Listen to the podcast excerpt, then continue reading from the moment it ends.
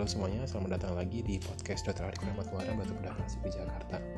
Kali ini kita akan bahas bedah plastik yang satunya yaitu bedah plastik estetik. Yaitu hari ini kita membahas tentang dermal filler. Nah, dermal filler ini kan salah satu tindakan estetik yang trending banget nih sekarang. Ada artis A, artis B, selebgram B, selebgram C, figure publik C, dan seterusnya. Tapi apa sih sebenarnya dermal filler itu? Nah, kita akan bahas lebih lengkap setelah ini.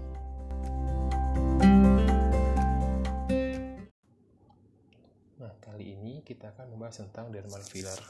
Dermal filler adalah salah satu tindakan estetik yang trending banget saat ini. Nah, tindakan ini sering kali di-endorse oleh artis A, selebgram B, figur publik C, dan seterusnya. Tapi apa sih sebenarnya dermal filler itu? Filler itu kan pasti dari bahasa Inggris ya, artinya pengisi. Nah, sampai saat ini sebenarnya tidak ada filler yang ideal. Karena syarat untuk filler ideal itu ada pertama adalah non-toxic, biocompatible, long lasting, reversible, autologous, mudah digunakan, aman, dan predictable. Nah, maksud dari predictable ini adalah gimana sih nanti uh, setelah kita injeksikan bentuknya kayak apa, behaviornya kayak apa, akan hilang atau tidak, kemudian tidak rusak oleh sentuhan. Nah, misalnya kita filler di bagian hidung, kan pasti kita kan kadang gatel hidungnya. Nah, kita kucek-kucek hidung, dia bisa geser atau enggak? Diharapkan tidak. Nah, dia juga diharapkan memberikan tampilan yang natural, tidak uh, menjadi aneh.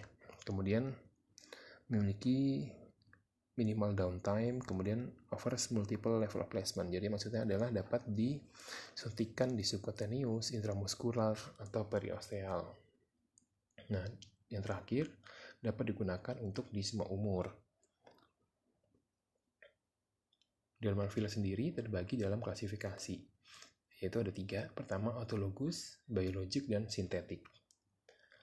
Yang pertama, autologus, bahan filler ini diambil dari tubuh pasien itu sendiri. Contohnya adalah dermis, fascia, cartilage, mesh, lemak. Kemudian, unggulan keunggulan dari autologus adalah tidak menyebabkan alergi, tidak beracun, dan tidak direject oleh tubuh. Nah, tapi juga ada kekurangannya. Kekurangan dari autologus yaitu tempat donornya bisa terinfeksi, rasa tidak nyaman karena nyeri, kemudian bisa jadi radang. Ya, untuk lemak juga ada risiko di absorpsi alias diserap. Untuk bahan biological, bahan yang mirip dengan bahan tubuh, yaitu bisa berupa soft tissue matrix, kolagen, dan hyaluronic acid. Nah, bahan biologis ini hanya memberikan efek sementara tergantung bahan yang dipakai. Salah satu bahan biological yang ramai dipakai adalah hyaluronic acid. Bahan ini aman dan sudah disetujui oleh Badan POM untuk digunakan sebagai filler. Nah, aman di sini perlu digarisbawahi, aman untuk dikerjakan oleh mereka yang berkompeten.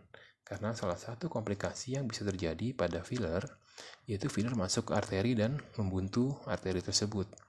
Pembuntuan arteri dapat menyebabkan kematian jaringan. Karena itu, setiap tindakan filler juga harus disiapkan anti-fillernya, yaitu hyaluronidase. Hyaluronidase ini berguna untuk enzim yang memecah asam hyaluronat yang diinjeksikan.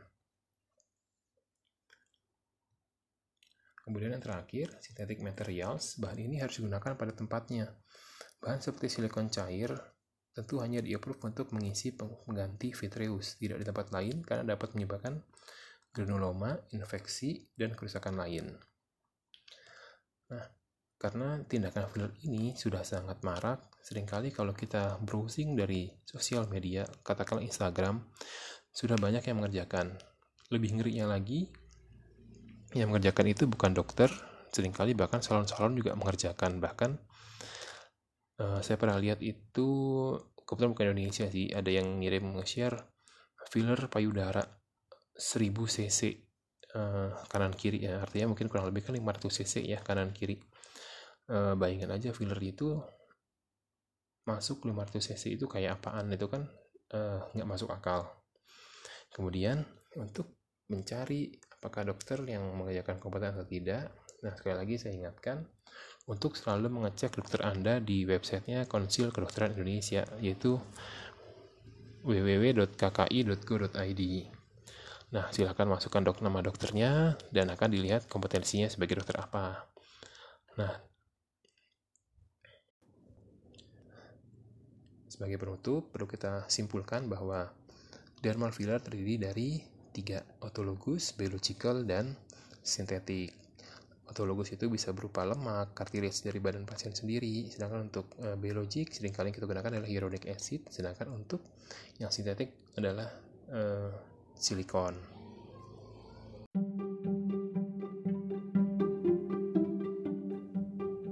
Sekian podcast kali ini, semoga memberikan pencerahan tentang estetik, terutama tentang dermal filler. Sampai jumpa di podcast berikutnya. Terima kasih.